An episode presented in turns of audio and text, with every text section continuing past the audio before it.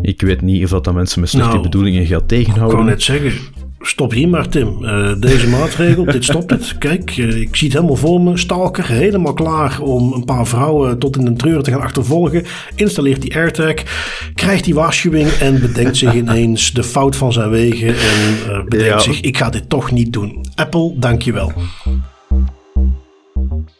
Hallo en welkom bij Das Privé, jouw wekelijkse privacy podcast. Iedere aflevering praten we je bij over het reilen en zeilen in de wereld van privacy. Digitale spionage, boetes, datalekken, nieuwe technologie, privacy tools, oftewel alles dat er in de week gebeurt in privacyland. Ik ben Bart van Buitenen en samen met Tim van Haren hebben wij het privacy nieuws van deze week gecureerd en eruit gehaald wat er echt toe doet. Wat passeert er deze week de revue in Das Privé? De Europese gegevensbeschermingsautoriteiten blijven hun Amerikaanse cloud fetish aanwakkeren met een nieuw gezamenlijk Europees project onderzoek naar clouds. Daar kijken we even naar. We hebben in Amerika, eh, toch klassiek een wat conservatievere achtergrond, eh, initiatieven om vrouwen die denken over abortus te gaan monitoren en te tracken en daar eens technologie rond in te zetten. En verder hebben we een zaak, een rechtszaak waarin GDPR en porno samenkomen, waarin we gaan kijken aan de rechtmatigheid van pornobeelden. Verder kijken we naar wat nieuwe tech die impact heeft op privacy en een privacyvraag over het gebruik van het Rijksregisternummer. Eh, Tim, ik denk dat wij er weer even tegen kunnen deze sessie. Ja, ja, ja, zeker en vast een goed gevulde aflevering en ik kijk er oprecht naar uit voor enkele van de topics aan te halen. Heel goed. Voordat we erin vliegen, eh, nog eventjes een kleine huishoudelijke mededeling. Of om precies te zijn, iets dat we vanuit Das Privé weer mogen aanbieden. Zoals jullie weten hebben wij een, eh, een partnership met het Data Protection Institute. eh, een, zoals de naam insinueert, opleidingsinstituut rond privacy, waar ik zelf ook les geef. En wij mogen gratis opleidingsdagen uitdelen. Het is te zeggen, er is een initiatief binnen DPI, dat heet Stay Tuned. Dat is voor privacy professionals, mensen die er veel mee bezig zijn, die al een bepaalde ervaring hebben en die merken dat ze bij moeten blijven. hè. Er gebeurt natuurlijk heel veel in privacyland, daar zijn wij bij Das Privé getuigen van. En Stay Tuned is een formule, dat is een soort abonnement per jaar, waarin je naast nieuwsbrieven, video-updates ook één keer per kwartaal een hele dag privacy-updates krijgt. Eh, Uitspraken uit eh, alle Europese autoriteiten, uiteraard in België ook. Ehm, een eh, inhoudelijke workshop waar een bepaald onderwerp verder wordt uitgediept. Ik ben zelf ook moderator op die dagen. We hebben dan altijd in, als ik niet vergis, eh, Gent en Mechelen zijn er per kwartaal dus twee van die dagen. Je kunt er dan naar eentje toe. Ehm, en ja goed, ik ben zelf natuurlijk grote fan van die dingen. Ehm, neemt niet weg dat wij vanuit DPI daar een gratis eh, deelname mogen uitdelen. Ehm, dat betekent dat je komt dus een dag ergens in een hotel waar de catering voorzien is en waar een dag lang wordt gesproken over allerlei dingen die met privacy te maken hebben. Eh, heb je daar interesse in? Zeg je van oké, dat is heel interessant, daar wil ik graag eens een keer zo'n dag naartoe. Dan mag je ons contacteren en dan regelen wij dat verder met DPI. Eh, we hebben er geen aantal opgeplakt, eh, maar ik verwacht ook niet dat er ineens twintig mensen gaan zeggen doe mij dat maar. Eh, anders moeten we even gaan kijken. Maar als je daar interesse in hebt, dan mag je het even laten weten en dan gaan we dat gewoon regelen. Ehm, ik zeg het al, het is iets wat wellicht meer voor privacy professionals is, maar ik kan het van harte aanraden. Eh, inhoudelijk is dat heel erg sterk. Eh, dus laat het zeker even weten. Eh, mocht je nog niet weten hoe je ons kunt contacteren, kijk even op de website, de contactpagina of stuur een mailtje naar bart.dasprivé.be. Ehm, dat gezegd zijnde, gaan wij erin vliegen. En Tim, jij hebt de eerste meegenomen bij, ja, komt van security.nl, maar ik heb hem ook op heel veel andere plekken gezien uiteraard. De European Data Protection Board, zoals iedereen weet, de organisatie, het orgaan waar alle Europese gegevensbeschermingsautoriteiten in vertegenwoordigd zijn, die hebben een gezamenlijk project aangekondigd. Die gaan met z'n allen op dezelfde manier iets uh, aanpakken. Wat gaan ze precies doen, Tim? Ja, eigenlijk begin 2022 hadden we het eigenlijk al voorspeld. Dit jaar wordt het jaar van de handhaving en we zijn nu nog geen twee maand verder en enkele spraakmakende beslissingen later. En nu komt ook de EDPB sterk op gang. Nu, wat gaan ze specifiek doen? Uh, de komende maanden zullen zij in samenwerking met een 22-tal nationale toezichthouders een Europa-breed onderzoek uitvoeren naar het gebruik van clouddiensten in de publieke sector. En ze gaan daar, om mee te beginnen, om iets meer dan 80 publieke instellingen ondervragen in onder andere de gezondheidszorg, financiën, belastingen, onderwijs en centrale leveranciers van IT voor de overheid. En dat onderzoek zal zich specifiek richten op uitdagingen waar de publieke sector vandaag de dag mee kampt wanneer het clouddiensten probeert te gebruiken op een AVG-vriendelijke manier. Nu, de facet, daar zijn heel veel facetten aan verbonden. Enkele van de facetten die ze zelf aanhalen zijn onder andere het proces om een clouddienst aan te schaffen, hoe dat, dat verloopt en welke moeilijkheden dat daar zitten.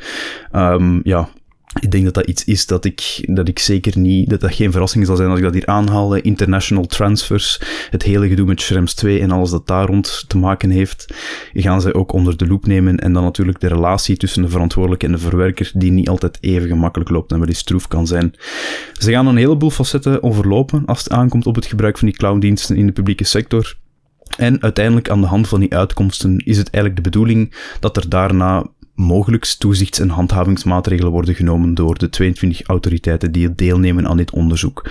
Al bij ik vind dit, ja, dit is de zoveelste stap in, um, naar een toekomst eerder waar men echt wel aan handhaving gaat doen en waar men echt wel concreet met stappen gaat nemen om verder en verder te gaan in het hanteren van GDPR en in het hanteren van privacyvriendelijke manieren om om te gaan met persoonsgegevens. Ja, de Belgische autoriteit heeft ook al aangekondigd hoe zij daar concreet invulling aan gaan geven. Uh, zij gaan eerst bij twee grote providers van IT-diensten aan de overheid, uh, die dus van die cloud uh, abonnementen of facilitering aanbieden. Um, ik weet niet, want ze hebben die zeker niet met naam genoemd, maar je hebt voor de Vlaamse overheid is er een gigantisch contract waar een aantal loten verdeeld worden. En daar zijn een aantal bedrijven die dus eigenlijk voor bijna alles wat binnen de Vlaamse overheid naar de cloud gaat, die dat organiseren, die dat beheren. Ja, ik, ik zou heel goed verwachten dat een van die partijen mag verwachten dat ze binnenkort benaderd worden door de uh, GBA. En dus de GBA heeft aangekondigd, we gaan ons richten op twee van die hele grote providers. En dan gaan we vijf overheidsentiteiten die de laatste jaren vooral heel veel uh, gezondheidsgegevens hebben verwerkt. Denk hè, coronatijden uiteraard. Die worden ook geviseerd om eens te gaan kijken hoe zij dus omgaan met het gebruik van uh, cloudomgevingen. Um, ja, iedere autoriteit nationaal gaat dat anders aanpakken in Europa. Maar het komt allemaal een beetje op hetzelfde principe neer. We gaan eerst questionnaires uitsturen. We gaan vragen stellen. Dan, waar nodig, gaan wij diepgaander onderzoek doen. En zoals je net ook al aankondigde, Tim, gaat men dus voorzien dat er daarna handhavingsacties gebeuren waar nodig. Um, past weer verder in die verdere. Ja, ze hebben het vizier echt gericht op, op die clouddiensten. Uh, op alles wat Amerikaanse clouds is, toch vooral. Ik bedoel, laten we wel zijn. Ik denk niet dat ze gaan kijken naar organisaties die bij Alibaba een cloudomgeving hebben staan. Dit gaat zich echt focussen op de Amerikaanse clouds. En ja, je ziet toch op, op alle manieren dat men zich daar heel erg op viseert. En ik, eh, behalve natuurlijk dat daar zit Schrems 2 achter, oftewel de bevestiging van het Europees Hof van Justitie dat er uh, issues zijn met Amerikaanse inlichtingendiensten. En toch kan ik het ook niet loszien van die andere strategische agenda, die niet per se op privacy gericht is, maar waarvan Europa al heel lang aankondigt en daar ook nu steeds meer werk van lijkt te maken, die digitale soevereiniteit. Dat idee waarin ze zeggen eigenlijk dat wij de laatste decennia zo afhankelijk zijn geworden van buitenlandse clouds, um, daar moeten we iets mee gaan doen. En, en kan ik toch niet helemaal loszien van dit soort initiatieven. Nee, daar heb je volledig gelijk in. Hè. Hoe verder we gaan in de toekomst en hoe verder we gaan in het jaar 2022, hoe meer dat het inderdaad er begint op te lijken dat dit niet alleen iets is waarbij dat Europa zich plotseling heel hard bekommert om de privacy van zijn burgers, maar dat er ook wat meer politieke beslissingen achter zitten. En inderdaad, ja, EU Cloud Sovereignty is een van die aspecten waar men toch wel iets over kan zeggen. Ik vind het op zich wel interessant, um, ook waar het naartoe gaat, want dit is een probleem dat al een tijdje speelt. Hè. Schrems 2 is ondertussen al, als ik even goed reken, toch minstens anderhalf jaar oud, die uitspraak. Um, en dat men eigenlijk nu met zo'n cloud taskforce komt om, die publieke, om het gebruik van de cloud in de publieke sector in het vizier te nemen, wil voor mij ook zeggen dat men dit wel effectief serieus neemt en hier effectief een statement wilt maken ongeacht of dat, dat dan vanuit de privacyhoek komt of vanuit een andere hoek waar men meer naar soevereiniteit gaat kijken uh, vanuit Europa, um, is voor mij persoonlijk nu minder belangrijk. Wat ik vooral het belangrijkste vind, is dat men er effectief ja, stevige maatregelen in gaat nemen, stevige stappen eigenlijk onderneemt om daar iets tegen te gaan doen. Wat dat voor veel organisaties vandaag de dag nog een probleem is. Hè. Ja, en daar zie je dat dat idee wat we op heel veel plekken hebben gezien, uh, Schrems 2, en waar je inderdaad zegt, juli 2020 hebben we het ondertussen al over, 16 juli 2020 was die uitspraak. En heel veel mensen hebben de kop in het zand gestoken en gezegd, ah, we zien het wel. En mm -hmm. je had dus eigenlijk tot nu toe al anderhalf jaar de tijd om te gaan kijken, hoe moeten we dit gaan doen? Gaan we dit anders moeten doen? Kunnen we overschakelen? Nu goed, de eerste maanden was er ook wel wat onduidelijkheid. Wat betekent het nu concreet? Maar ondertussen denk ik dat we best mogen zeggen dat er al minstens een jaar duidelijk is, die Amerikaanse cloud, daar kun je wel eens een probleem mee hebben. Dus wat dat betreft um, ja, is er toch ook weer een tijd geweest dat mensen wel iets meer hadden kunnen doen. Uh, nu komen er toch nog heel veel uit de lucht vallen. Um, nu goed, we zullen wel zien hoe het zich ontwikkelt. Ik bedoel, dit focust zich nu op de overheid. Maar nog maar eens een teken voor uh, DPO's out there. Dit is het moment om daar toch nog eens heel nadrukkelijk over te gaan adviseren. Uh, je kunt niet meer zeggen van ja, maar ik ben maar een, een arm marketingbureautje. Ik ben maar een KMO. Uh, Google Analytics, het is gewoon dump het. ga kijken naar andere grote Amerikaanse clouds, andere tools. Denk aan de Mailchimps, denk aan de Cloudflares. Nu kun je nog op je gemakje een alternatief vinden. Op het moment dat er iemand een klacht indient en jij wordt door een autoriteit verplicht om binnen een maand over te schakelen, dan heb je een veel groter probleem. Um, dat gezegd zijnde, wij zitten wat dat betreft natuurlijk in Europa, waar men toch eh, in ieder geval, eh, uiteindelijk komt dit ook steeds weer voort uit bepaalde waarborgen die men wilt geven aan wat je wel niet kunt doen met persoonsgegevens. Een ander voorbeeldje hoe men daar in Amerika toch heel anders naar kijkt, is eentje die ik heb meegenomen eh, van de website salon.com. Die komen wel vaker met wat diepteonderzoek. Ehm, deze viel me op. Um, kijk, Amerika is natuurlijk sowieso heeft een, een hele grote conservatieve basis. Dat, weten we. Het is niet voor niks een, een twee-partijsysteem waarbij de ene democraten zijn, vaak wat liberaler. Andere de republikeinen die toch ja, ook wat dicht, dichter bij God staan. Uh, alles wat conservatiever oppakken. En één ding wat daar nog steeds heel erg controversieel is, is abortus. En dat is waar dit over gaat, het artikel. Um, in meerdere staten tegelijk, uh, een stuk of acht hebben zij eruit gepikt, maar het is iets wat zich kennelijk als een olievlek aan het verspreiden is. Uh, is men een soortgelijke wetgeving aan het doorvoeren. In sommige daarvan zit zelfs wetgeving of tekst die gewoon één op één is overgenomen van elkaar. En die gaat over uh, wetgeving die erop gericht is om ja, voor abortus verder moeilijker te maken, niet te stimuleren, maar dat op allerlei manieren tegen te werken. Dat begint met het moment dat je denkt over abortus dat je verplicht bent om te gaan bellen voordat je verder zou kunnen in het traject naar een soort hotline. Uh, als je die hotline belt, dan krijg je een unieke identifier die je verder in het proces steeds moet gaan doorgeven. Uh, organisaties die uh, helpen om een abortus uit te voeren zijn ook verplicht om die identifier op te vragen, die te noteren. Um, op dat moment wordt er ook allerlei koppelingen gemaakt met medische dossiers. En de organisatie die uh, achter die hotline zit, die ook gezegd wordt een hele grote sponsor is achter die wetgeving, het CPC, de Crisis Pregnancy Centers, wat dus duizenden instanties zijn verspreid over Amerika. Uh, ja, de typische pro-life uh, organisaties die dus bezig zijn om uh, ja, te proberen om abortus op allerlei manieren tegen te gaan men, in het artikel kijkt men ook eventjes naar de, technologie die die organisaties verder gebruiken. Dus nu gaan we aan de ene kant de wettelijke verplichting krijgen om unieke identifiers te kennen en die te gaan bijhouden. Tegelijkertijd analyseren ze wat voor dingen ze nu al gezien hebben. Hoe die CPC's, die, die centra dus, eh, echt al big data inzetten om uh, mensen te targeten. Dat zit hem aan de ene kant in misschien wat klassiekere marketingtechnieken. Een beetje zuur eigenlijk als je zegt we hebben het over marketing in deze context. Maar ik kan het niet anders zeggen. Ze gebruiken bijvoorbeeld search engine optimization om op bepaalde specifieke termen van mensen die mogelijk op zoek zijn naar dingen rond abortus, om die te targeten met pro-life boodschappen. Ze gebruiken bijvoorbeeld ook geofencing, wat betekent dat zij reclameboodschappen via sms, wat iets is wat in Amerika natuurlijk veel couranter is, dat zij die targeten op bepaalde locaties. En dan voel je hem al komen, ben jij in de buurt van een, van een abortuskliniek, dan kun je dus gespamd worden met uh, pro-life uh, berichten. Um, en dus die organisaties, die, die, die ook trouwens bekend zijn om het feit dat ze zelf hun eigen elektronische dossiers aanleggen, ze hebben er zelfs een toeltje voor, dat heet Next Level, houden ze alle gegevens bij van mensen waarvan zij vermoeden dat die nadenken over een abortus of in het verleden abortus gehad hebben. Waar uh, ook medische gegevens in verzameld worden van die mensen. Echo's van de kinderen die uh, in de buik zitten, die bijgehouden worden daar. Alles wat ze kunnen doen in de context van ja, een beetje misschien een andere, iets andere invulling van de Save the Children retoriek. Um, het zijn ook ja, mensen die vanuit een overtuiging, die denken dat ze bezig zijn om Gods wil uit te voeren. En dat ze het ongeboren leven beschermen.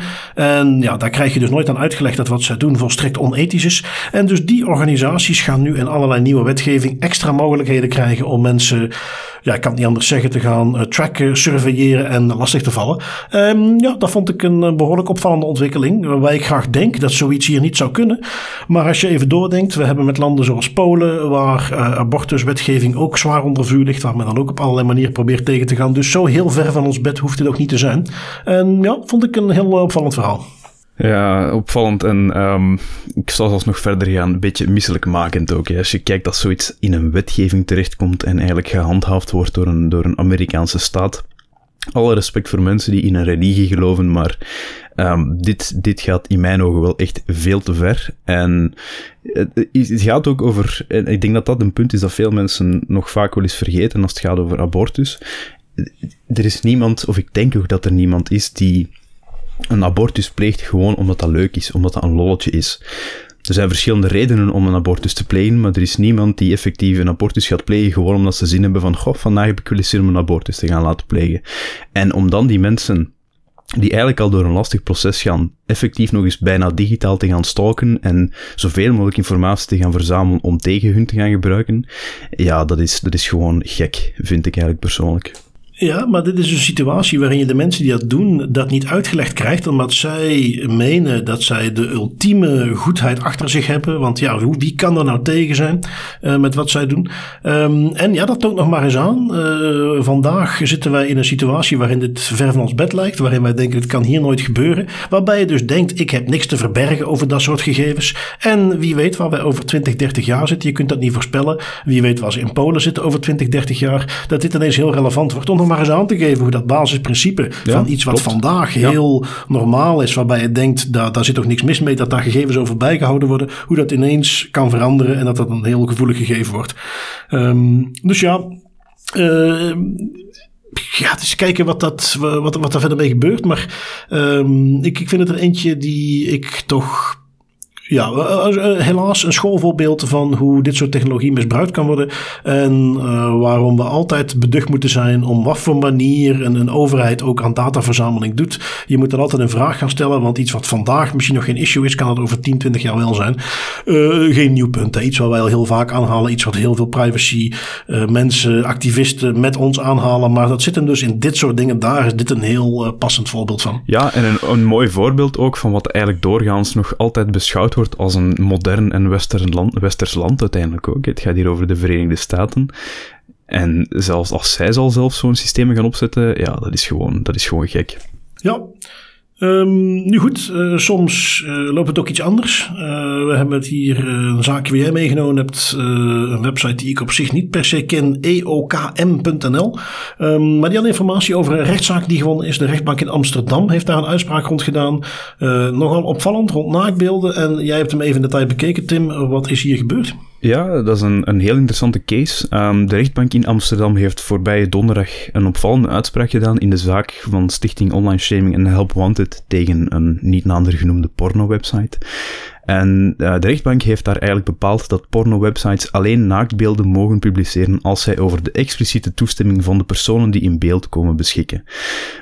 Er is één uitzondering op, namelijk overduidelijk professionele beelden. En waar dat ze natuurlijk die grens gaan leggen, dat is niet helemaal duidelijk uit de beslissing. Dat zal misschien later nog in een implementatie komen. Maar alleszins, naaktbeelden mogen dus enkel gepubliceerd worden als van iedereen die in beeld komt een expliciete toestemming kan aangetoond worden. Waarom is dat interessant? Wel, dat is vooral interessant voor slachtoffers van online shaming die bijvoorbeeld hun naaktbeelden ongewenst online zien verschijnen of uh, op porno-websites. Uitvragen bijvoorbeeld van een ex-lief en hoe dat, dat eigenlijk vroeger in zijn werk ging om die beelden te verwijderen, is je moest voor elk beeld kunnen aantonen dat dat onrechtmatig werd gepubliceerd. Nu is het omgekeerd na, na die uitspraak. Nu is het eigenlijk zo dat er vanuit gegaan mag worden dat ze by default onrechtmatig zijn gepubliceerd, tenzij dat er een expliciete toestemming aanwezig is en aantoonbaar is.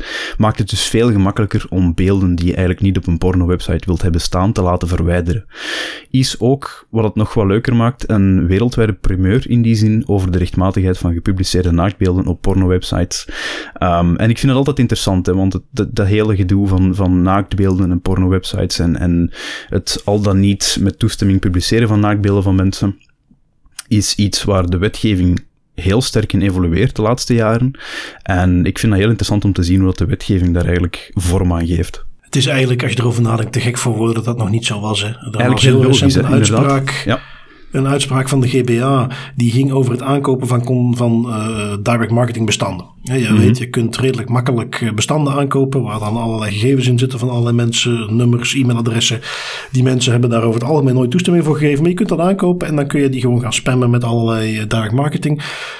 Daar zijn al lange regels voor, maar die worden dus nu ook gehandhaafd. De GBA had dus recent een case waarin ze zeiden van ja, maar jij hebt een verantwoordelijkheid als jij zo'n dataset koopt om zelf te gaan vaststellen is dat wel rechtmatig verkregen? Hebben die mensen wel toestemming gevraagd? Jij moet de partij van wie je dat koopt, moet je verplichten om aan te tonen hoe heb je dat gedaan. En laat maar eens van een aantal voorbeeldjes zien hoe jij die toestemming hebt gevraagd. En dan kan ik die gegevens gebruiken. Ja, als zoiets al in een, een, een dataset rond direct marketing de standaard is, hoe is het mogelijk dat zoiets in porno nog niet eerder gebeurde? Zeker met al die risico's inderdaad rond revenge porn en al die dingen. Dus ja, nee, eigenlijk de evidentie zelf. En, en laten we wel zijn, heel erg goed dat zo'n uitspraak er nu is. Die uitzonderingsgrond voor professionele beelden, ja, daar wordt dan, uh, daar ben ik inderdaad ook wel benieuwd hoe ze dat gaan doen. Ik, misschien dat ze gaan zeggen, ja, op het moment dat we zien dat er zulke belichting is, of dat er 15 kijkhoeken zijn, ja, dan mogen we ervan uitgaan dat het waarschijnlijk wel professioneel is, maar niet evident. Maar uh, als dit ervoor zorgt, en dat is toch echt iets, een echt een grote bekommernis, uh, dat op dat soort websites, waarbij ik verder geen uitspraken wil doen over als je dat soort dingen bekijkt, maar als er beelden op staan van mensen die daar zelf niet mee eens zijn, ja, dan moet natuurlijk keihard tegen opgetreden worden. Mm -hmm. En uh, heel goed dat dit uh, nu gebeurt. Het enige wat ik me meteen wel afvraag is van ja, als je dan pak eventjes een van de, de grootste, een, een, noem een Pornhub. Hoe ga jij dat afdwingen? Hoe ga je ervoor zorgen dat ze zich daaraan houden? Ik hoop dat ze daar ook een concrete oplossing voor hebben bedacht. Ja, dat is eigenlijk een goed voorbeeld dat je daar aanhaalt, Pornhub. Ik weet dat die recent ook um, serieus wat problemen hadden met onder andere Mastercard en Visa. Die gingen stoppen met hun betaalsystemen aan te bieden aan Pornhub, omdat daar ah. heel veel illegale content op was. En daar heeft Pornhub ook een... Ja, daar, ja, inderdaad, dat is effectief wel een goed argument als je zegt van je kunt gewoon niet meer betalen op de website. Um, en daar heeft Pornhub ook een heel drastische beslissing gemaakt en hebben ze gezegd Elke account die niet geverifieerd is, um, daar, worden alle, daar wordt alle content van verwijderd en daar wordt de account ook van op onactief gezet, als ik me niet vergis. En geverifieerd betekent dat je een selfie moet uploaden met daarop uw naam en ik denk het e-mailadres van de account. Dus misschien als ze zoiets in, op die manier gaan doen met expliciete toestemming, of dat je voordat de video of nadat de video is geëindigd, uh, even moet zeggen van hallo, dit was allemaal gewoon voor de lol en wij hebben hier geen problemen meer dat dat online komt. Ik weet het niet dan moeten we natuurlijk nog zien hoe dat geïmplementeerd wordt. Maar alleszins eigenlijk wel de evidentie zelf dat het op die manier gebeurt. Ja, nou ja, kijk, uh, lijkt me een hele nuttige evolutie. Uh, dat dat op meer plekken zou mogen gebeuren. Ik hoop dat ze dat ook mooi kunnen gaan afdwingen. Mm -hmm. um, even zien, ik heb maar iets meegenomen. Uh, tweakers.net. Um, heb jij ooit gehoord van de app MoviePass? Mm, dat zegt mij niet meteen iets, nee. Dat was een app die jaren geleden alles bestond. Um, voor zover ik weet niet in Europa overigens. En wat kon je daarmee doen? Je betaalde een vast bedrag per maand en dan kon je zoveel je wilde naar de bioscoop. En dat, dat was dan, ja, dat was 10, 15 dollar, dacht ik. Dat was echt relatief laag. Um, ja, goed, als jij dan vervolgens iedere dag naar de bioscoop ging, dat zullen er vast geweest zijn die dat deden. Je voelt meteen aankomen, dat was niet rendabel. En uh, de bedrijf erachter is ook failliet gegaan. Um, nu heeft de oorspronkelijke oprichter, die er destijds niet meer bij was toen ze failliet gingen, maar de oorspronkelijke oprichter die heeft uh, het weer uh, nieuw leven ingeblazen. En die gaat MoviePass weer publiceren. Maar ze gaan het een beetje innovatiever aanpakken. Uh, het draait nu vooral om uh, het uh, mensen laten bekijken van reclame. De, de, maker geeft aan van ja, wat we tegenwoordig zien. Als je ergens nog reclame hebt, of het nu online is of op een tv-scherm. Mensen kijken niet, zetten het geluid uit, gaan mm -hmm. even iets anders doen. En eigenlijk betaal je als maker uh, of als aankoper van reclame heel veel. Maar je weet helemaal niet hoe effectief het is. Wel, wij gaan het anders doen. MoviePass is erop gericht dat mensen dus betaald krijgen om reclame te bekijken. Uiteraard moet dat uh, lekker uh, hip en high-tech en web 3.0. Dus dat betekent dat je betaald wordt met een virtuele munt. Dat wordt bijgehouden op een blockchain. En dan kun je dan weer inzetten om allerlei dingen aan te kopen. Uh, maar om dus dat probleem op te lossen van hoe weet je of iemand nu wel of niet echt aan het kijken is, gaan ze ook de frontcamera op telefoons gebruiken. Dus vooral bedoeld als een mobiel medium. En die gaat in de gaten houden door middel van eye tracking en facial recognition technologie. Of jij het wel echt bent die naar de camera zit te kijken. En of je ook wel echt naar de beelden zit te kijken. En in in de demofilmpjes die je ziet, zie je dus hoe iemand aan het kijken is. Uh, en dan uh, kijkt hij even ergens weg en dan pauzeert het filmpje zich. En dan komt er een beeld van, hey, eh, ben je er nog wel? En dan zodra je weer terugkijkt, dan begint het weer te draaien. En op die manier kun je dan geld verdienen. Um, iets waar jij van denkt dat je dat zou gaan doen, Tim? Nee, niet meteen. Waar ik wel meteen aan dacht, is ik hoop oprecht dat er een of andere onderzoeker of hacker meteen mee aan de slag gaat om dat systeem volledig om zeep te helpen en een of andere manier te vinden om dat te omzeilen. Uh, zodat hij eigenlijk gewoon continu geld pompt in zijn wallet. Ja, ja, ik denk aan het voorbeeldje wat wij zelf eens aanhaalden. Hè. We pakken gewoon weer onze Barbie pop die we daarvoor zetten en dan uh, kijken of dat werkt. Um, Dus ja, goed, we zullen zien of dat iets wordt. Het zal waarschijnlijk vooral natuurlijk weer iets in Amerika zijn. Ehm, maar ja, ik, ik kan me niet meteen voorstellen wie erop zit te wachten. Oh, wat ik natuurlijk nog vergeten te vertellen. Het, het leukste eraan, want dat is natuurlijk de klassieke eh, insteek die ze er altijd hebben. Doordat jij ook nog eens getracked wordt en dat er bijgehouden wordt waar je weer of minder naar kijkt of waar je meer of minder interesse in hebt, worden de reclames natuurlijk steeds relevanter. Hmm. Totdat je eigenlijk gewoon uit pure leut voor dat ding gaat zitten en gaat kijken naar al die relevante reclames. Uh, dat is dan natuurlijk een beetje de insteek die ze hebben.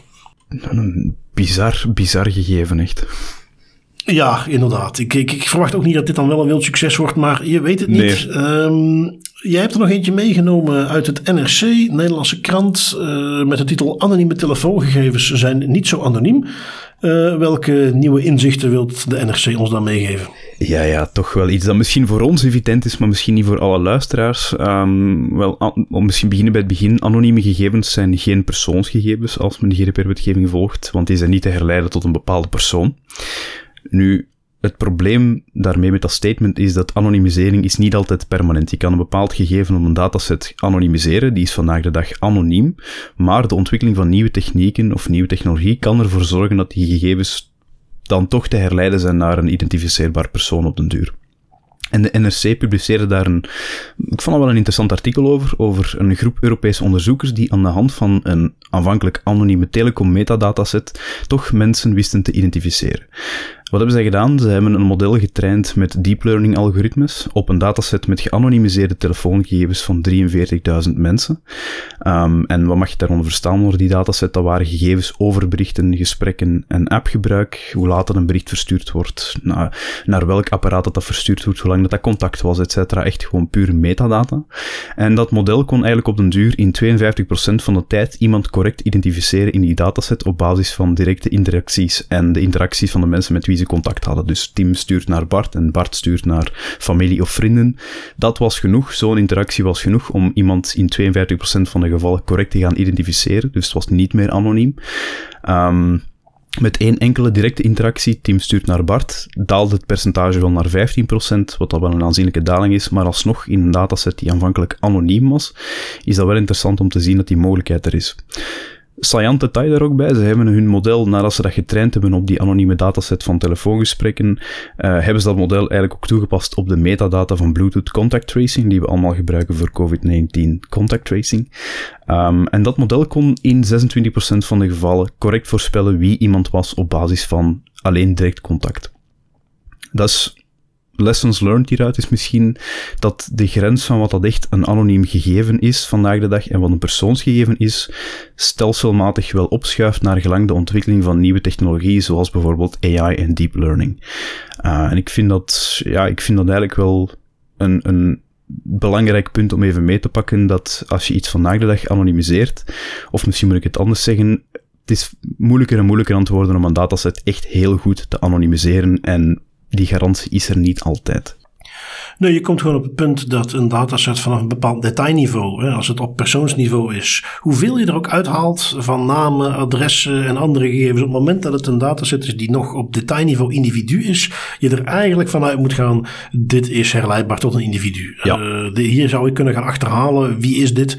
Uh, en iets waar wij aan ons werk ook heel vaak moeten concluderen, dat wij zeggen van kijk, we zitten hier op het punt dat wij eh, bijna nooit meer durven te zeggen, dit is een anonieme dataset, zolang het dat niet ja, met het mooie woordje geaggregeerd is, oftewel op een hoger niveau, dat je zegt we gaan de data bijvoorbeeld niet meer rapporteren op, um, nou, pak eventjes in de context van uh, wijk, gegevens over huishoudens. Als je zegt we gaan gegevens per huishouden publiceren, ook al haal je daar allerlei data uit, dat het waarschijnlijk toch te herleiden is tot een specifiek huishouden, maar zeg je we gaan het op straatniveau of op postcode niveau doen, oké, dan kunnen we er nog over rapporteren, maar anders dan zijn we gewoon met persoonsgegevens bezig.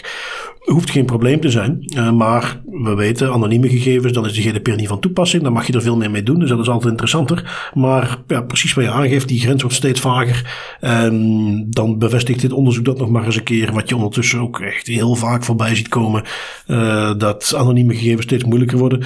Ja, uh, lijkt me er eentje die nou ja, alleen maar goed nuttig is dat mensen zich daar steeds meer van bewust zijn. Ja, ja, precies. En het is iets dat we denk ik allebei wel in het werkveld ook nog misschien iets te vaak tegenkomen, dat men al heel snel roept van ja, maar ja, maar ja, het is geen probleem, want de gegevens zijn anoniem. En als we er dan wat kritische vragen over stellen, dan blijkt het dat het misschien hoogstens gepseudonymiseerd is, maar dan valt het nog altijd onder de GDPR. Een klassieker daarvan is eh, locatiegegevens op individueel niveau. Het maakt mij niet uit of je daarvoor voor de rest niks aan data meegeeft. Puur het feit, uh, een individu was op dit tijdstip daar, op dat tijdstip daar. En zo vier punten is in de meeste situaties al genoeg om iemand uniek te identificeren. En, en dan heb je voor de rest niks aan data, puur locatie. Dus nee, dat is inderdaad een, een klassieker. Uh, een andere klassieker die we ook heel vaak voorbij zien komen is het belang van logging. Uh, en de noodzaak van logging. Uh, oftewel, op het moment dat je geen logging hebt, dat dat tot problemen kan leiden. Logging voor de zekerheid, dus bestanden die in systemen worden bijgehouden, waarin staat uh, in een systeem wie heeft welke actie gedaan, welke gebruiker was dat, op welk tijdstip, wat heeft die gedaan. dingen die dus vooral naar bewijsmateriaal zijn, die in een context van systemen waar persoonsgegevens in staan, kunnen helpen om aan te tonen wie heeft dingen bekeken. Um, ik uh, heb er eentje meegenomen van security.nl. Mag uiteraard niet ontbreken in een aflevering Das Privé. Um, dit was een artikeltje wat ging over uh, iets wat al eerder bekend was. Iemand die werkte bij een energiebedrijf, die daar op een, een helpdesk werkte. En daarom dus veel toegang had tot gegevens van klanten. En die bleek, uh, was in de rechtszaak, daar is nu een uitspraak rondgekomen. Dat is de aanleiding van dit artikel. Die bleek gegevens van 3000 klanten gekopieerd hebben naar zijn eigen laptop. Die verkocht hij. Uh, die werden dan vervolgens ingezet in bijvoorbeeld bankhelpdeskfraude. Dus uh, de situatie waarin mensen gecontacteerd worden. Iemand doet zich voor als de bank. Waarbij dit soort databases, waar in dit geval gegevens in zaten. Zoals naam, adres, uh, burgerservice nummer. ons het equivalent van het Rijksregisternummer, telefoonnummer, IBAN-nummer. Dus ook je bankrekeningnummer. Dingen die dus helpen om vertrouwen op te wekken. de slachtoffers van de gegevens die deze persoon verkocht waren voornamelijk oudere personen, uiteraard. Um, wat ik hier vooral aan onthield, uh, want de man in kwestie heeft vervolgens een celstraf van 20 maanden gekregen, waarvan vier voorwaardelijk, dus die mag meer dan een jaar de cel in. Wat ik overigens een behoorlijk proportionele straf vind. Um, in Amerika, zeker als het iets met hacking is en dergelijke, dan verdwijnen wel eens tien jaar de bak in. Dat, dat lijkt me ook niet helemaal gepast. Maar dat voor zo'n misdrijf als dit iemand eventjes wat tijd achter de tralies door mag brengen, lijkt me zeker gepast. Daar moet een bepaalde afschrikwekkende werking van uitgaan. Maar dit deed me dus aan denken, want die persoon heeft dat uh, vrij lang kunnen doen. Heeft heel veel gegevens uh, kunnen uh, ja, uit het systeem. had 104 Excel-bestanden waar die dingen in stonden. Um, ik moest terugdenken aan een interview met de mensen van It's Me. Wat wij ja, waarschijnlijk, als mensen de podcast horen, deze week gaan publiceren. We hebben dus gesprek gehad met de mensen van It's Me. Um, een van de dingen, toen ze hadden over security maatregelen, is waar de CISO tegen mij aangaf van ja, we hebben ook een systeem waarin we een soort matching doen tussen de hoeveelheid raadplegingen die iemand heeft gedaan en een link met uh, helpdesk meldingen die hij verwerkt heeft. En op het moment dat wij daar een grote discrepantie zien, dan gaan wij op onderzoek uit. Dat zijn het soort dingen die helpen om dit uh, te voorkomen, de situatie waar we het hier over hebben. En dat zit hem dus in logging, dat zit hem in bijhouden wie wat doet. Iets waar wij in veel organisaties, als je daar voor het eerst mee aankomt, vaak nog wel eens hoort van ja, maar waarom vertrouwen ze ons niet gewoon? Wat is dit nu voor uh, paranoïde inzet? Ja, dat heeft niks te maken met mensen niet vertrouwen. Dat heeft te maken met uh, bewijslast kunnen hebben en misbruik kunnen voorkomen. En dit vond ik daar een mooi voorbeeldje van. eigenlijk ook gewoon een soort basisprincipe als we kijken naar beveiligingsmaatregelen waar wij naar kijken. het toepassen van gepaste logging en daar ook iets mee doen. Ja, ja, zeker inderdaad een, een heel goed basisprincipe. En het stukje van It's Me, uh, sowieso is dat een heel interessant interview. En het, het aspect over logging toont ook aan dat het, is, het, gaat natuurlijk veel verder dan enkel de logging capteren en de logging gaan bijhouden. Je moet er dan ook effectief iets mee doen. Zij het reactief, oei, er is een incident, er is een incident voorgedaan. We gaan eens gaan kijken in de logging wat er is gebeurd. Of proactief, wat dat eigenlijk iets mee ook doet. We gaan gewoon continu matchen en kijken wat er ergens een discrepantie is. Ik vind dat wel een belangrijke nuance om nog mee te geven, dat het is niet voldoende om enkel dingen te loggen. Je moet er ook effectief wel iets mee doen. Je moet het controleren of je moet het ergens gaan verifiëren, discrepanties gaan proberen ontdekken.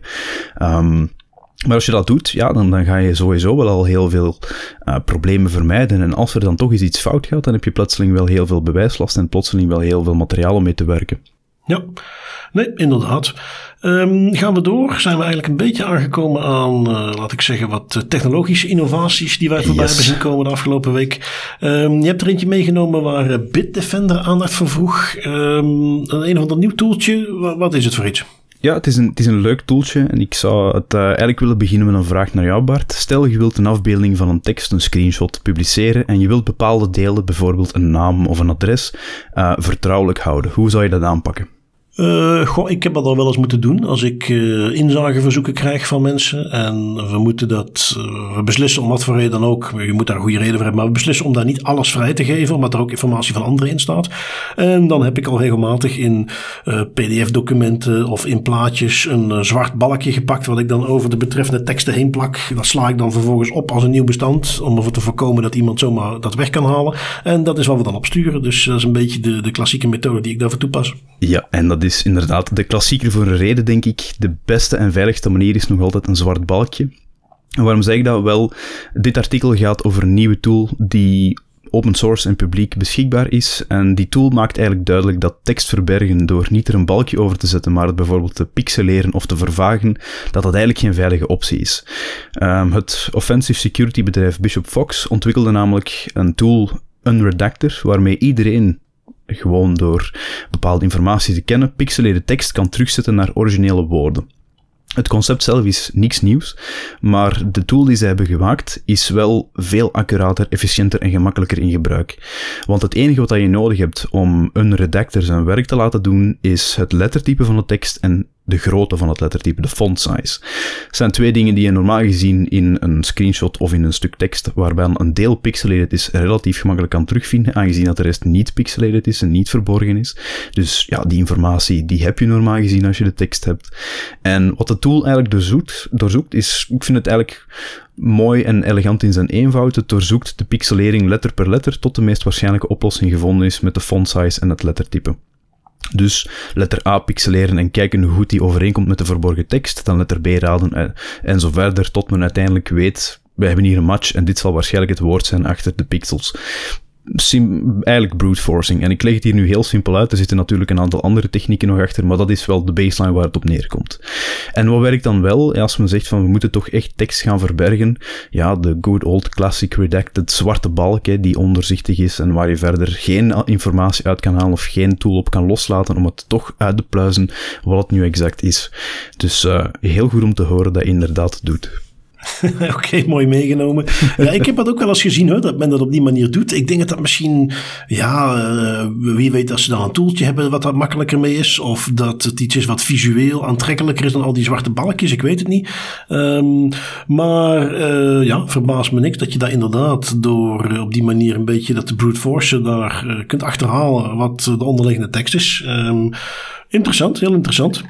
Um, ik heb nog iets meegenomen, uh, ook weer eentje uit Amerika. Dit komt uit de San Francisco Chronicle. Um, weer een zaak, uh, data oorspronkelijk verzameld voor het ene en wordt dan vervolgens hergebruikt voor het andere. Maar uh, dat is een klassieke context. Maar hoe het hier gebeurde vond ik extreem uit zijn context gerukt. Um, wat is de situatie? 2016, uh, een slachtoffer van seksueel geweld komt binnen. Uh, in de context van de, de aangifte en het onderzoek wordt het DNA afgenomen. Want men wil natuurlijk voorkomen als men sporenonderzoek gaat doen dat het DNA van de betrokkenen zelf wordt verward met het DNA waar men naar op zoek is. Dus men verzamelt in die context het DNA. in dit geval, ja, in Amerika heet het dan een zogenaamde rape kit. De, de standaard toeltjes die ze gebruiken om DNA af te nemen in de context van een seksueel misbruikzaak. Um, ja, tot zover. Ik bedoel, dat is klassiek. Uh, op een gegeven moment wordt die betrokkenen, die wordt vervolgens in 2021 wordt gearresteerd. Eh, DNA-onderzoek heeft uitgewezen dat er bewijs is dat die persoon ook betrokken is bij een inbraak. Um, die krijgt dus te horen dat ze aangeklaagd wordt. Die gegevens worden doorgezet aan de openbaar aanklager.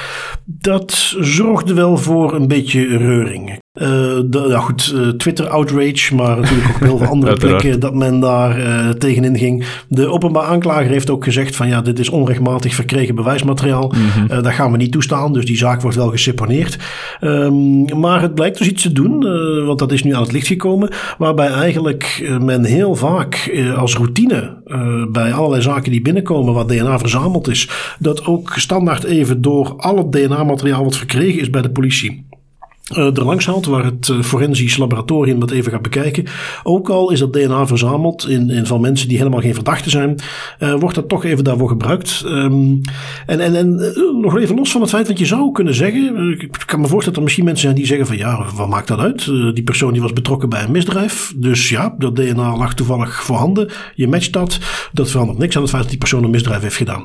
Um, hier gaat het weer om dat basisprincipe van proportionaliteit, dat uh, verschil van recht op privacy versus recht op een veilige samenleving. Um, als we daar zo ver in door willen slaan, ik heb alles vaker het voorbeeldje aangehaald van ja, waarom gaat dan niet iedereen met een bodycam rondlopen? Dan hebben we dat probleem ook opgelost. Hier zou je ook hetzelfde kunnen zeggen van ja, waarom gaan we dan niet gewoon even een DNA-databank aanleggen van heel België? En dan is het opgelost. Dan kunnen wij iedere misdaad voortaan uh, bekijken door DNA te gaan verzamelen. Nog even los van het feit dat zelfs DNA geen uh, alomvattende oplossing is. Iedereen met een beetje Netflix-account die kan genoeg series bekijken waarin men laat zien hoe dat, vaak een probleem is. Maar daar slaan we dus ook weer door als we dat zouden gaan doen. En dat voelt iedereen meteen aan als je dat zo extreem stelt. Van, oh, maar waarom gaan we dan niet gewoon preventief van iedereen een DNA afnemen en dat opnemen in een databank? Maar dat is wel wat deze casus eigenlijk een beetje op doet. En uh, wat hier ook weer een mooi voorbeeldje is. We, hebben hem, uh, we halen hem niet meer iedere keer aan, Tim. Maar bij deze toch nog eventjes het hellend vlak. Hier oh, is het, gemist, een, Bart, een, klein, gemist. een klein datasetje wat men gebruikt uh, uit eerder verkregen DNA.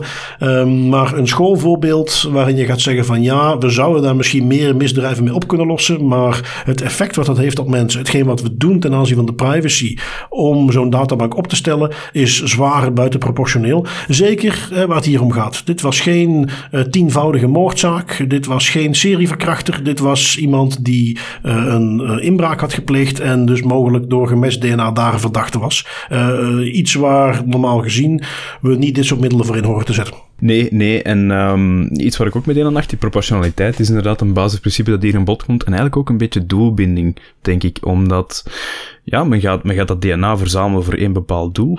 In het kader van een, een case rond seksueel misbruik. En gaat dan plotseling jaren later datzelfde DNA ook gaan gebruiken in een case rond een inbraak. Nu, twee strafrechtelijke zaken, absoluut, maar het is verzameld voor één bepaald doeleinde en niet voor het ander. En daar heb ik ook problemen mee, want dat is ook een argument dat je wel kan aanhalen als het gaat over, ja, we zouden DNA van iedereen moeten gaan verzamelen, we zouden zoveel data van iedereen kunnen gaan verzamelen ja, om kijk, mogelijk te gaan eh, matchen. zijn het zijn Amerikaanse principes, hè? Die, die, die, waar wij het nu over hebben. Dat zijn de basisprincipes van gegevensbescherming die we in Europa kennen. Um, maar goed, ik zeg het al. Het is ook wel, om dat even de, de, afloop wel goed mee te geven. De openbaar aanklager heeft het dus laten zitten. Die zegt het is onrechtmatig. Mm Neemt niet weg, ze hebben het toch maar gedaan. En het blijkt dus kennelijk een standaard practice te zijn uh, bij, dat politie, bij die politieafdeling. Dus ja, toch iets waar uh, ze dan misschien wat nadrukkelijker iets mee gaan doen. Um, een ander voorbeeldje van uh, technologie die mogelijk met de beste bedoelingen in het leven is geroepen, maar waar men toch steeds meer ziet dat daar ook aardig wat misbruik voor is. Uh, iets waar we zelf met Das Privé een testje hebben gedaan, hè, waar ik mijn vrouw wat heb uh, getracked met AirTags. Um, je hebt nu een artikeltje meegenomen van security.nl waarin Apple daar zich daar toch voor bewust van lijkt te zijn ondertussen. Ja, ja, zeker en vast. We hebben het ook al een paar keer meegenomen. Hè. In, in, jouw onderzoek met jouw vrouw was het nog gelukkig met toestemming, maar ik denk dat er wel een aantal vrouwen zijn die al last hebben gehad van een AirTag in hun handtas of ergens anders in hun zak, um, waarbij dat ze niet wisten waar dat die vandaan kwam. Hetzelfde met auto's, mooie auto's, waar wel ze een AirTag in vinden ergens in de laadklep of zo, en die dan later gestolen worden. Er zijn al heel veel cases geweest van AirTags die eigenlijk misbruikt worden en die gebruikt worden om uh, personen te tracken die niet getracked willen worden, of spullen te tracken die eigenlijk niet getracked mogen worden omdat ze niet van jou zijn. Apple erkent dat nu ook, zegt ook van ja, oké, kijk, was helemaal niet het beoogde doeleinde, maar we gaan er bepaalde dingen aan doen om het gemakkelijker te maken om die AirTags te vinden. En ze komen met een aantal updates doorheen de loop van dit jaar. Um, sommige updates betwijfel ik of dat die heel veel impact gaan hebben. Andere vind ik dan wel wel interessant. Dus ik zal het misschien de belangrijkste overlopen.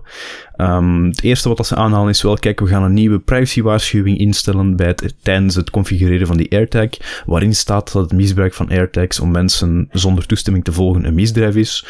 Ik weet niet of dat, dat mensen met slechte nou, bedoelingen gaat tegenhouden. Ik kan net zeggen, Stop hier maar, Tim. Uh, deze maatregel, dit stopt het. Kijk, uh, ik zie het helemaal voor me. Stalker, helemaal klaar om een paar vrouwen tot in de treur te gaan achtervolgen. Installeert die AirTag, krijgt die waarschuwing en bedenkt zich ineens de fout van zijn wegen. En uh, bedenkt zich, ik ga dit toch niet doen. Apple, dankjewel. Ik zie ze inderdaad al facepalmen van, oh, right, nee, natuurlijk, gaan we niet doen. Nee, dus dat is inderdaad meer waarschijnlijk typisch Amerikaans een beetje indekken en zeggen van, maar kijk, we hebben het toch gezegd dat het niet mag en nu doen ze het toch nog. Ja, wat kunnen we nog meer doen? Maar ze gaan gelukkig wel nog meer doen. Um, ze gaan ook het namelijk gemakkelijker maken om de verborgen AirTags te lokaliseren met de app waar je dat mee kan doen. En het systeem ook aanpassen zodat mensen eerder voor ongewenste tracking worden gewaarschuwd. Dus waarschijnlijk, ze hebben niet gezegd hoe dat ze dat gaan doen, maar ik ga er even vanuit dat ze dan gewoon de timeframe korter gaan maken. Tot alleen dat er een, een waarschuwing wordt uitgestuurd naar mensen in de buurt. Um, en ook het geluid, de ping die een AirTag kan afspelen om mensen ervan bewust te maken dat er een AirTag zich in de buurt bevindt, zal aangepast worden om waarschijnlijk luider en eenvoudiger, um, om ze gemakkelijker te kunnen vinden. Al bij al, ja, sommige maatregelen, daar zie ik de meerwaarde meteen van in. Andere maatregelen denk ik, dit is gewoon Apple die zichzelf indekt. Maar ik vind het wel al positief dat ze het probleem erkennen en er ook iets aan gaan doen. Ja, nee, nee, absoluut. Het doet me een beetje denken aan een artikeltje wat ik een tijdje geleden las, waarin twee uh, mensen, partners, um, een man en vrouw, besloten, wij, um, van, ja, die, die zeiden, wij zijn uh, in vrienden van ons, die waren ja, op een feestje geweest en daar waren vrienden aan het praten over hoe ze elkaar trackten en hoe ze dat eigenlijk wel een heel veilig gevoel vonden. En die hadden dus iets geïnstalleerd, een appje, uh, waarmee ze elkaar dan te allen tijden konden zien. En wat ik heel interessant vond, dat verhaal ging dan verder. Uh, dat, dat koppel had dan zoiets van: oh, nou ja, goh, als iedereen dat doet, misschien moeten we dat ook maar eens gaan doen. En die kwamen erachter, die hadden dat dus gedaan. Die konden op ieder moment zien waar uh, de andere was. En die kwamen erachter dat ze in een soort uh, paranoïde schemerzone terechtkwamen. Waarin ze op den duur alles wat ze zagen in twijfel begonnen te trekken. Zich vragen begonnen te stellen. Iets waar ze zich vroeger nooit druk om hadden gemaakt. Waar ook, als het dan een keer tot een discussie kwam, bleek dat daar een prima verklaring voor was. Maar waar dat, dat dus echt druk op de relatie zette. Het dat ze continu van elkaar konden zien hoe of wat. Um, dat doet me een beetje denken, want we haalden net allemaal weer die voorbeeldjes aan van Hellend Vlak, eh, DNA gaan verzamelen van iedereen, uh, wat dat dan met een, bevolking doet. En dit is een heel mooi voorbeeldje daarvan ook weer, waar die AirTags visibel maken, dat er helemaal niks mis hoeft te zijn, maar puur en alleen al het feit dat je continu in de gaten gehouden wordt, ver, uh, verandert het gedrag van de mensen die het bekijken en verandert het gedrag van het individu zelf. Want als je op een gegeven moment weet, mijn vriendin stelt zich vragen bij dingen die ze ziet, ook al is er niks aan de hand, maar ja, laat ik het dan maar niet meer doen, dan wordt dus zonder dat er iets aan de hand is, zonder dat jij iets verkeerd wilde doen. En toch is jouw gedrag beïnvloed en ben je dus eigenlijk niet meer vrij om te doen wat je zelf wilt. En dat is een heel belangrijk punt uh, wat hierachter zit. En ja, dat is iets waar uh, inderdaad het heel nuttig is dat Apple dat nu inziet en toch in ieder geval op allerlei manieren probeert om daar iets mee te doen. Want, en dit is er dan eentje waar ik het ook wel kan zeggen, um, ik heb zo'n AirTag en ja, dat, dat is absoluut heel nuttig af en toe. Uh, het is een mooi toeltje, maar ja, helaas is ook heel veel misbruik. Ik ben benieuwd of dit, um, wat voor effect dit gaat hebben. Want als je leest wat voor misbruik er allemaal van is, ik, ik ben benieuwd of men daar ook mm, eens gaat proberen om daar wat cijfers op te plakken. Want je kunt op punt komen dat je zegt, oké, hoe nuttig het ook is, er wordt hier te veel misbruik van gemaakt, we kunnen dit niet voldoende beperken en mhm. we gaan die dingen gewoon moeten, moeten cancelen. Nee, nee dat, is een, dat is inderdaad een heel goed punt. Al denk ik dat Apple daar uh, niet al te happig op is om zelf met die cijfers te komen. Als ze misschien zelf nog wel eens zouden verschieten hoeveel misbruik dat ervan gemaakt wordt. Als we kijken dat we de voorbije maanden toch wel een aantal artikels en cases hebben kunnen meenemen. En dan bestaat dat eigenlijk nog niet zo heel lang, die AirTags. Uh, we zullen zien hè, natuurlijk of dat het echt baat heeft. Ik denk wel dat het een meerwaarde gaat hebben, die, die beveiligingsmaatregelen die ze nu gaan updaten. En ik vind het gewoon heel leuk om te zien dat een, een big tech bedrijf toch nog altijd zich bekommert daarom en zegt van oké, ja, misschien staat dat product nog niet op punt, we zullen bepaalde aanpassingen gaan doen. Het moet niet altijd van de eerste keer perfect zijn, zolang je maar open staat voor verbetering. Nee, helemaal waar, helemaal waar. En uh, een ander uh, product, ander bedrijf, vriend van de show, Clearview, uh, vindt ook dat ze nog wat verder moeten fine-tunen om te kijken of er toch niet op een andere manier omgegaan kan worden met hun product. Um, Clearview haalt het nieuws weer. Die zijn namelijk op zoek naar 50 miljoen extra. 50 miljoen om hun nieuwe technologie weer verder uit te breiden, eh, andere invullingen te vinden hoe ze dit kunnen verkopen. Um, vertellen onder andere dat ze met die investering van investeerders, dat ze dit jaar aan de 100 miljard unieke foto's willen geraken met uh, dataverzameling, zodat ze nog beter mensen kunnen gaan herkennen. Uh, nieuwe toepassingen waar ze aan denken is bijvoorbeeld in de gig economy. Denk aan de, de Ubers, de Deliveroo's, allerlei andere vormen van gig economy waarin dus kleine zelfstandigen, ja, die kunnen met die technologie weer beter opgevolgd worden of ze hun werk toch wel goed aan het doen zijn. Ze zijn bezig om de technologie uit te breiden, zodat ze iemand ook kunnen identificeren aan de manier hoe ze wandelen. Um, iets wat overigens al bestaat, hè, dat heb ik al vaker gezien. Maar zij willen het dus ook in hun software gaan toepassen. Um, waarbij ze technologie toepassen dat de foto ook geanalyseerd kan worden om de locatie van iemand achter te halen. Dat het zelfs mogelijk moet zijn als de foto's goed genoeg zijn om vingerafdrukken uit de foto te halen. Al met al uh, ja, allerlei prachtige nieuwe innovatie op het gebied van uh, privacy. Um, daar hopen ze dus die 50 miljoen voor op te halen. In hun materiaal refereren ze zelfs naar het feit dat zij beter zijn in dit soort technologie dan men in China is, uh, omdat zij ook gebruik maken van publieke bronnen. Um, het, uh, uiteraard, de maker van Clearview is daarover geïnterviewd, wordt dan gevraagd. Um, en die komt dan met het klassieke antwoord waar dit soort bedrijven mee komen. Uh, opnieuw op de vraag van ja, maar is het dan niet iets onethisch? antwoordt hij van every photo in the dataset is a potential clue that could save a life, provide justice to innocent victims, prevent a wrongful identification or exonerate exonerate an innocent person. Dus ja, uh, uiteindelijk is het maar weer gewoon allemaal om criminaliteit te bestrijden. Ja, ja, waar maken we ons toch elke keer weer zorgen over? En ook, ik vind het een, een fantastisch argument. Ik... Um begrijp niet hoe dat eigenlijk ooit door het marketingteam is geraakt. Dat ze effectief zeggen van, kijk, ja, wij zijn zelfs beter dan China in het surveilleren van mensen en het ontwikkelen van technologie om privacy, ja, invasieve technologie te gaan maken. Eh, ik heb zoiets van, er moet toch iemand ergens in dat team hebben gezegd van, misschien moeten we dat niet doen, gezien de reputatie van China. Misschien ik denk dat jij het verkeerd ziet, Tim. Ze hebben daar uitgebreid marktonderzoek gedaan en ze hebben vastgesteld: de klanten die onze software kopen, die willen niet liever dan horen dat ze het nog beter kunnen gaan doen als China, want ze kijken okay. daar met bewondering naar. You got me there.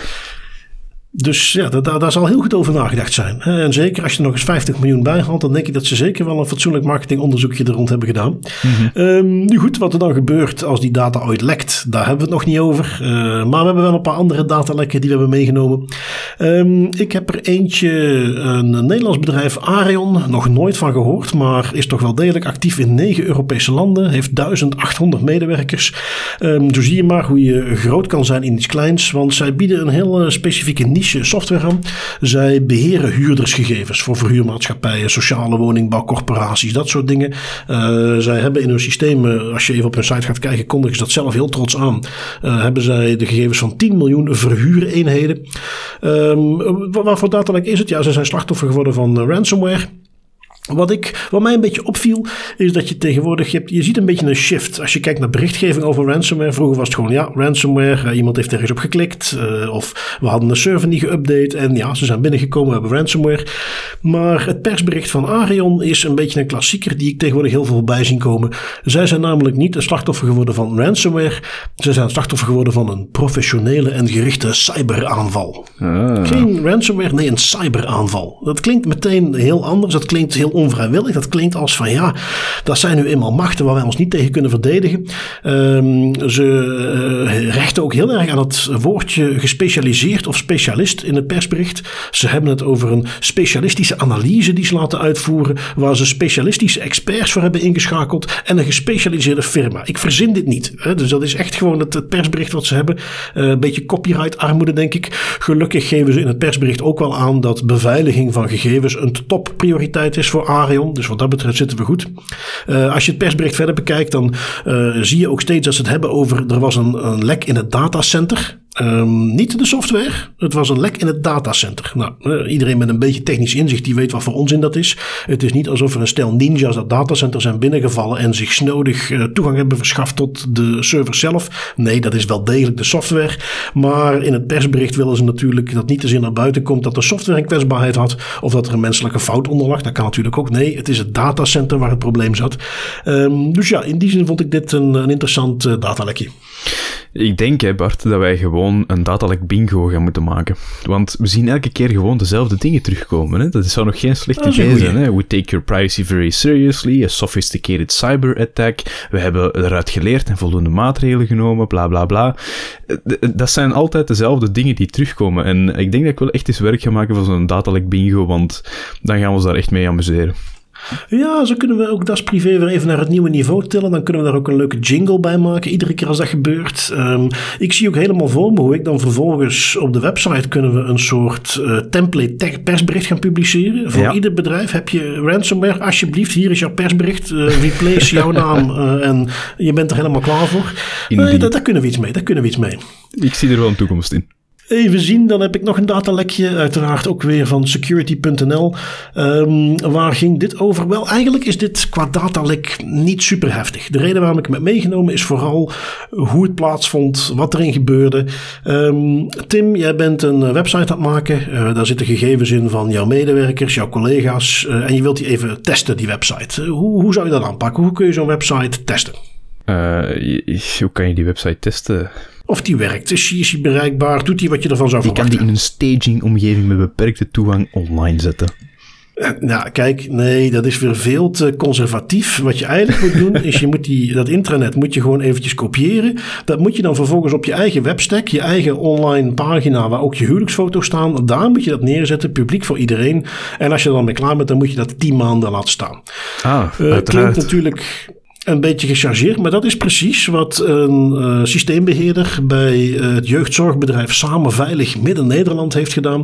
Um, die ken je misschien nog, want in 2019 haalden die de pers al eens. Toen hadden ze hun domeinnaam, hè, dus hun, ja, wat zal het dan geweest zijn? Jeugdzorgbedrijf Samen Veilig Midden-Nederland.nl klinkt weer niet zo goed, maar ze hadden een domeinnaam, die hadden ze laten verlopen. En iemand anders had die vernieuwd.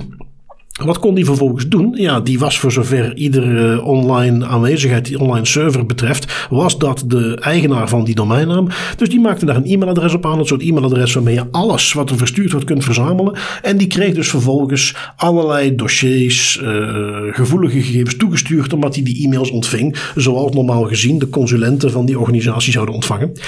Dat is iets waar ze dus mee bekend waren. Dit voorval wat ik nu beschrijf is dus van nu. Uh, is dus die systeembeheerder die het effectief op de manier gedaan heeft die ik net beschreef. Uh, het ging om een intranet. Dus niet de dossiers van de jeugd die ze hulpverlening aan het geven waren, gelukkig. Maar het ging nog steeds wel om het intranet waar uh, vele duizenden pagina's op zaten. Waar gegevens van personeel op stonden. En, en soms ook redelijk gevoelig. Een van de, de directieleden had kennelijk te maken gehad met het overlijden van de 19-jarige dochter. En die had daar een behoorlijk open verhaal op gezet. Dus met andere woorden, oké, geen dossiers van jongeren, maar toch nog steeds wel echt gevoelige gegevens. En die stonden dus op die manier uh, online. Uh, om het nog wat erger te maken, doordat die gegevens online stonden en uh, journalisten zijn erop patent gemaakt, hebben dat bekeken, konden ze ook informatie vinden over een eerder datalek uit 2017, wat niet bekend was gemaakt. Uh, dat hebben ze toen een beetje onder de pet gehouden, want ja, dat was veel te klein. Maar door de informatie uit de post op het internet bleek dat het eigenlijk om het verlies van 300 papieren dossiers van cliënten ging. en die hebben ze zelfs nooit aangegeven. Ik vermoed dat dat bij de autoriteit persoonsgegevens nog wel een staartje gaat krijgen. Uh, ja, ik hoop het. En ik denk dat ze ondertussen ook, gezien het track record, gerust hun naam mogen veranderen naar Samen Onveilig Midden-Nederland. Dan weten de mensen tenminste waar ze aan toe zijn.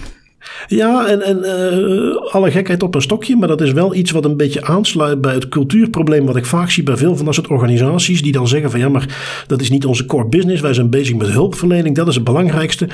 Hele simpele stelling tegenwoordig is hoe jij mensen hun gegevens, hun dossiers beveiligt, is een integraal onderdeel van jouw hulpverlening. Daar kun je daar niet meer los van zien.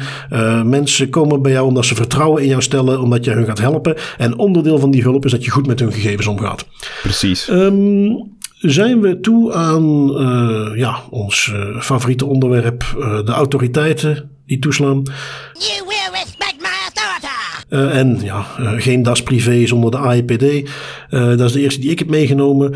Kunnen er redelijk kort in zijn, hoeven daar niet iedere keer heel lang over te gaan. Dit is gewoon weer een klassieker waar de AIPD een boete oplegt over een organisatie, een precies een betaald voetbalorganisatie in Spanje, die een Zoom-conferentie had georganiseerd waarin ze met allerlei andere sportfederaties aan praten waren over de gevolgen van COVID en hoe ze dat gingen aanpakken.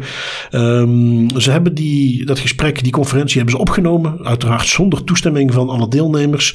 Daar zaten ook een aantal uh, bobo's, uh, representatie van de Nationale Liga, uh, de adjunct-directeur van de Eerste Divisie in Spanje. Met andere woorden, redelijk gevoelig. En die mensen die kwamen er pas achter toen bepaalde onderdeeltjes van die conferentie werden gebruikt in radio-interviews. Kwamen ze pas achter dat ze opgenomen waren. Is iets waar ze niet blij mee waren. Een klacht volgde. En ze hebben 100.000 euro boete gekregen voor het overtreden van het eerste basisprincipe. Namelijk geen grond om die gegevens opnieuw te gaan gebruiken. En 100.000 euro voor het feit dat ze niemand hadden geïnformeerd. Al met al een mooie boete van 200.000 euro door de AIPD. Niet slecht, niet slecht. En ik denk dat we gewoon in Spanje blijven met mijn boete die ik deze keer heb meegenomen. Opnieuw de IPD. Ja, ik bedoel, hoe kan het ook anders? Dat is ondertussen wel de favoriet geworden van de podcast.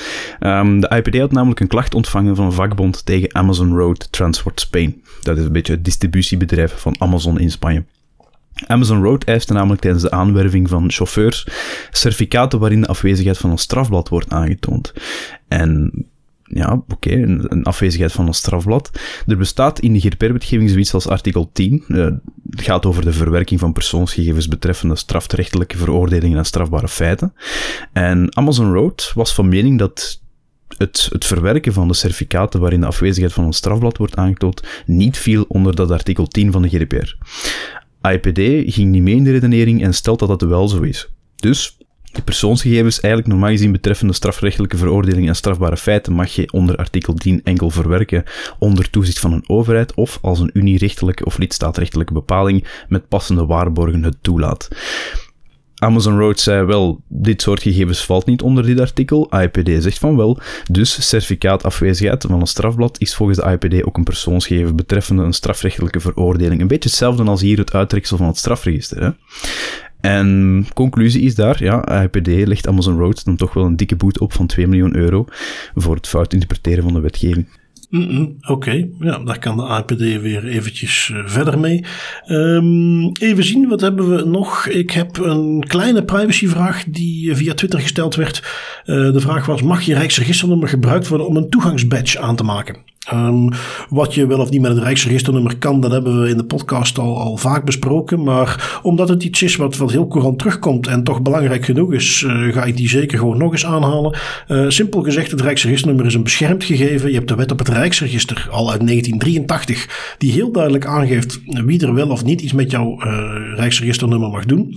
Um, overheidsorganisaties waar ik meende, maar ik heb niet meer informatie gekregen, dat dit wel overging, die toegangsbadge. Dat was in de context van een overheidsorganisatie organisatie. Die hebben ook hele duidelijke machtigingen wat ze wel en niet mogen doen met het Rijksregisternummer. Um, tenzij er hier iets heel speciaals is. Ik denk eventjes als dit bijvoorbeeld ging om uh, een nucleaire installatie.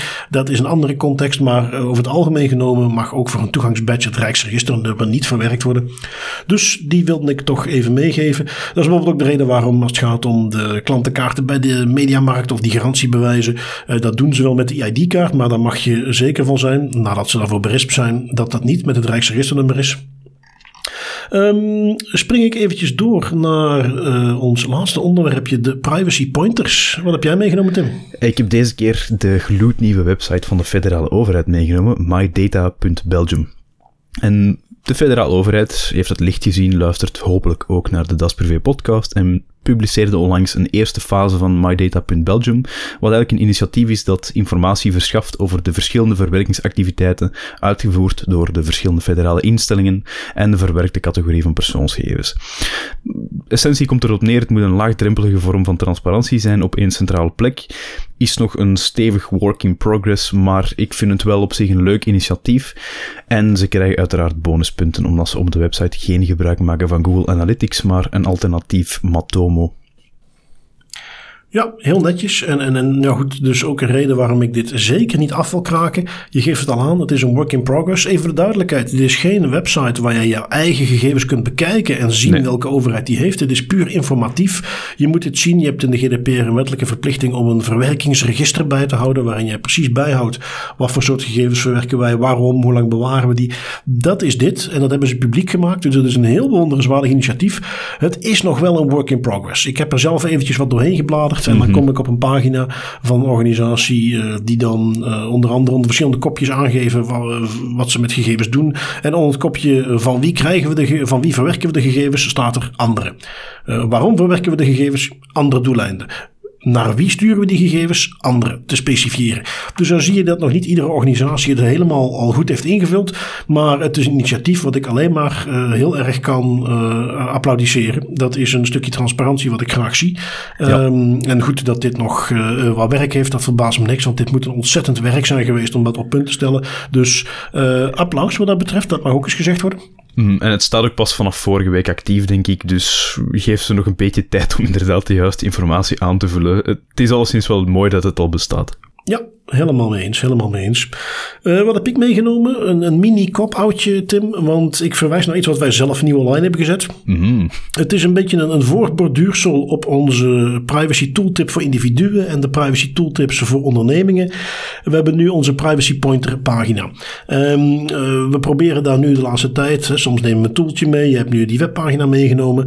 Uh, maar we proberen ook af en toe meer gewoon tips mee te geven. En wat die pagina moet worden is een verzameling van tips. Uh, ik heb het onderverdeeld in basistips, waarvan wij denken iedereen die een beetje geeft om zijn gegevens, die zou deze dingen moeten doen.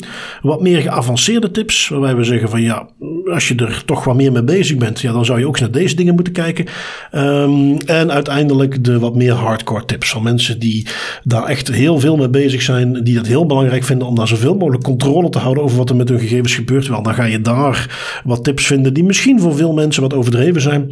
Uh, wat moet je daarbij voorstellen? In de basic categorie zitten er uh, opnieuw, we beginnen echt bij de basis dingen in zoals je moet je telefoon lokken, um, je moet dingen updaten, uh, gebruik een zoekmachine die niet allerlei dingen bijhoudt, ga je zelf af en toe eens googlen om te kijken wat je ziet. Opnieuw de basics, maar dat bouwt wel een beetje op.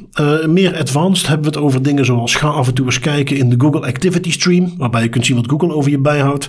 De off Facebook Activity Stream, waarin je kunt zien wat Facebook allemaal ontvangt van partners.